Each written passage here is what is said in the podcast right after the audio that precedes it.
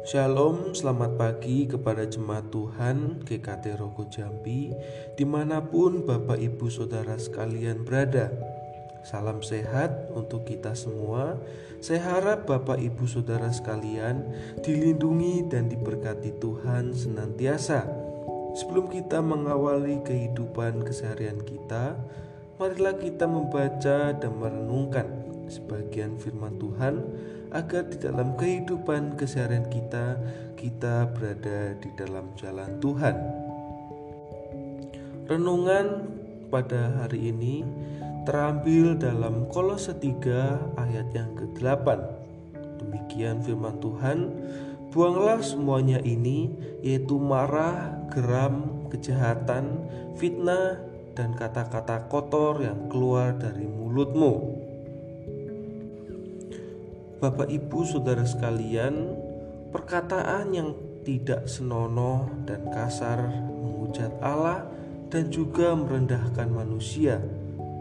Kata-kata kasar yang bersifat merendahkan ataupun berupa makian dan mengutuk dapat membangkitkan amarah dan merusak hubungan kita dengan sesama.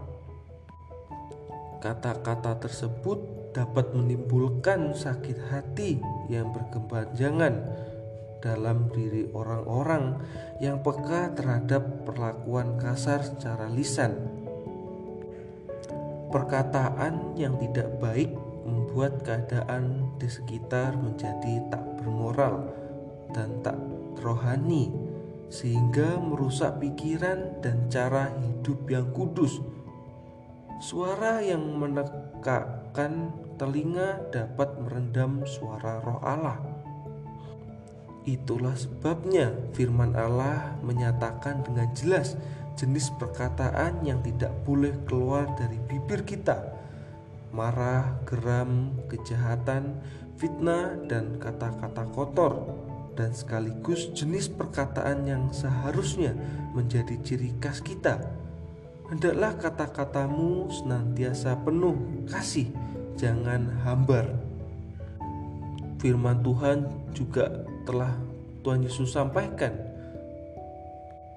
bahwa yang menajiskan diri kita bukan apa yang masuk di dalam tubuh kita, melainkan yang keluar di dalam tubuh kita, karena itu dari hati.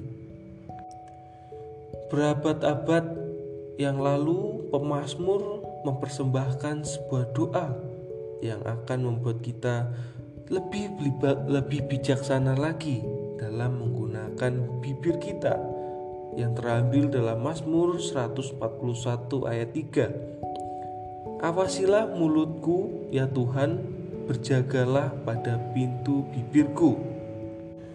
Bapak Ibu Saudara sekalian, mungkin kita tidak mengeluarkan kata-kata kotor itu atau tidak mengeluarkan dari bibir kita kata-kata yang merendahkan orang lain. Tetapi yang menjadi masalah adalah pikiran atau hati yang jahat itulah yang menjadi masalah utamanya.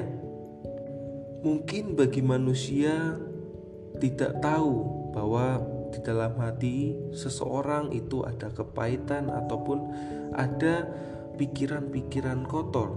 Tetapi kita tidak mampu menipu Tuhan yang tahu setiap hati dan pikiran orang. Maka dari itu, Bapak Ibu Saudara sekalian, biarlah hati dan pikiran kita bersih dari pikiran-pikiran jahat, dari perkataan-perkataan kotor. Karena itulah yang diinginkan oleh Tuhan agar kita menjadi manusia yang baru, manusia yang diubahkan oleh Tuhan Mungkin sebelumnya kita memiliki hal-hal tersebut, tetapi yang menjadi masalah adalah apakah kita terus menyimpan pikiran kotor atau hati yang kotor di dalam kehidupan kita.